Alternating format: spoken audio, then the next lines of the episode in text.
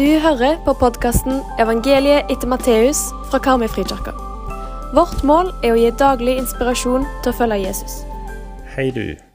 Nå er vi kommet til episode nummer 31, og vi er fortsatt i kapittel 13 i evangeliet etter Matteus, der Jesus taler i lignelser. Vi leser fra vers 31 til 43. En lignelse til la han fram.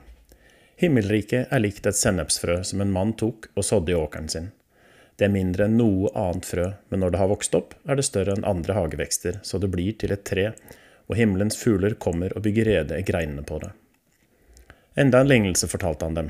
Himmelriket er lik den surdeig som en kvinne tok og la inn i tre mål mel, så det hele til slutt var gjennomsyret. Alt dette talte Jesus i lignelser til folket, og uten lignelser sa han ikke noe til dem. Slik skulle det ordet oppfylles som er talt gjennom profeten. Jeg vil åpne min munn og tale i lignelser, bære fram det som har vært skjult fra verdens grunnvoll ble lagt. Så forlot han folkemengden. Da han var kommet inn i huset, gikk disiplene til ham og sa, Forklar oss lignelsen ugresset i åkeren. Han svarte, Den som sår det gode kornet, er menneskesønnen. Åkeren er verden. Det gode kornet er de som er rikets barn, ugresset er den ondes barn. Fienden som sådde ugresset, er djevelen. Høsten er verdens ende, de som høster inn, er englene. Og slik som når ugresset blir sanket sammen og brent på ilden, slik skal det gå ved verdens ende. Menneskesønnen skal sende ut sine engler, og de skal sanke sammen og ta bort fra hans rike alt som fører til fall og alle som gjør urett. Så skal de kaste dem i ildovnen, der de gråter og skjærer tenner. Da skal de rettferdige skinne som solen i sin fars rike. Den som har ører, hør. Dette er Guds ord. Og for mennesker er mektig og verdifullt i Guds øyne.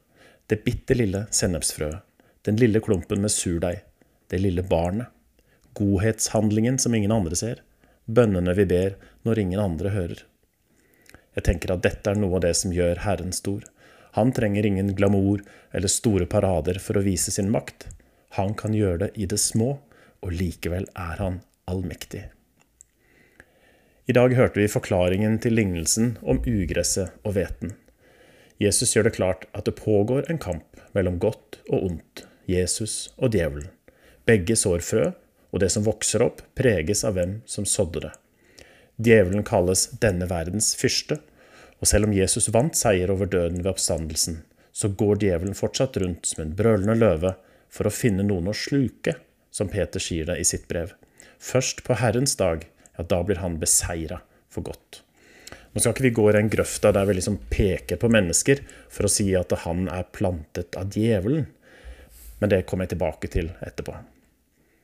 Forresten, jeg lærte noe språklig interessant når jeg gikk inn i teksten her, og jeg så på ulike oversettelser. Hva tenker du når du hører ordet weed?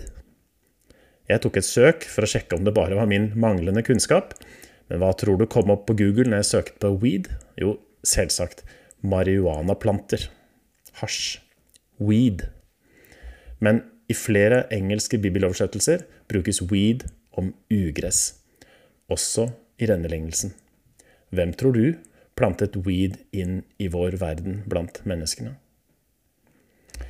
Vi skal være klar over at djevelen er aktiv, at han virker. Han sår løgn i menneskers liv og setter mennesker i fangenskap. Og vårt sterkeste våpen i den kampen er bønnen. Og vi kan be med stor frimodighet, for Jesus er så uendelig mye sterkere enn ondskapen. For selv om det er en kamp, så er Jesus den sterkeste. Jesus forteller oss noe som kan være ubehagelig å tenke på i teksten i dag. At det en dag skal foregå et skille, der noen er Guds folk, og andre er det ikke. Her kan det jo være en fristelse å bli svovelpredikant, men jeg skal prøve å la være, uten å holde Bibelens sannhet skjult. Jeg tror en bedre vei inn i dette er ydmykhet, åpenhet og selvransakelse. I Frikirken så har vi et konservativt bibelsyn. Bibelen er tydelig på at livet har to utganger, og jeg nøyer meg her med å nevne Johannes 3,16, der de som tror på Jesus, ikke skal gå fortapt, men ha evig liv. Det finnes ingen både-og eller en gyllen middelvei. Vi står på valg. Mange andre bibelhistorier fra Gammeltestamentet og Nye Testamentet og fra Jesus bekrefter akkurat dette. Det skal skje et skille ved verdens ende mellom de rettferdige og resten. De rettferdige skal være hos Gud, og resten skal være et annet, et dårlig sted, uten Gud. Ut fra dette kan vi forstå at vi står på valg, det viktigste valget i livet. Å velge Jesus eller velge han bort. På grunn av dette valget her så finnes det misjonærer, og av det så finnes begrepet evangelisering.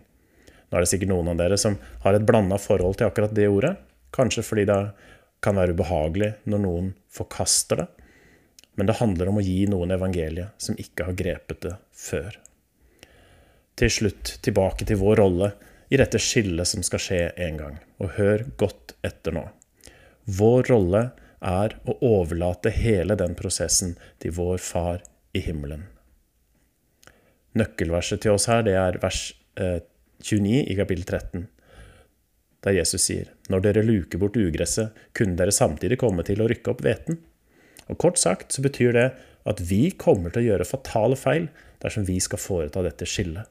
For vi har ikke den guddommelige kompetansen som Gud har til å gjøre det. Vi kan ikke, og vi skal ikke, skille mennesker bort fra Guds rike eller til fortapelse. Må Gud tilgi oss og våre forgjengere fordi vi har falt for fristelsen til å plassere mennesker til fortapelse. Vi skal forkynne Guds ord, leve Guds ord og stole på Herren, for det er Han som eier dommen.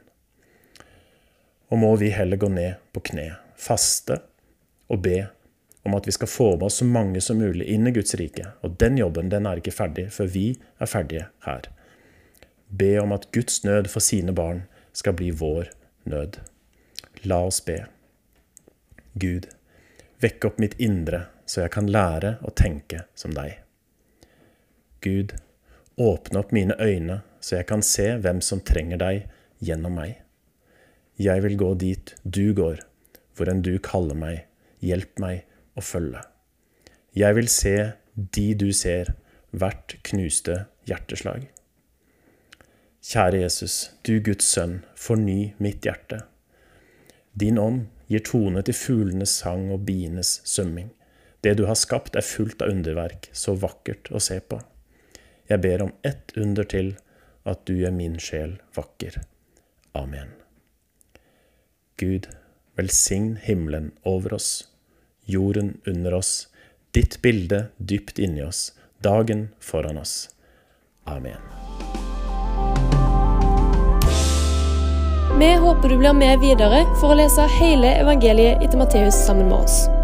Leseplanen finner du på våre nettsider.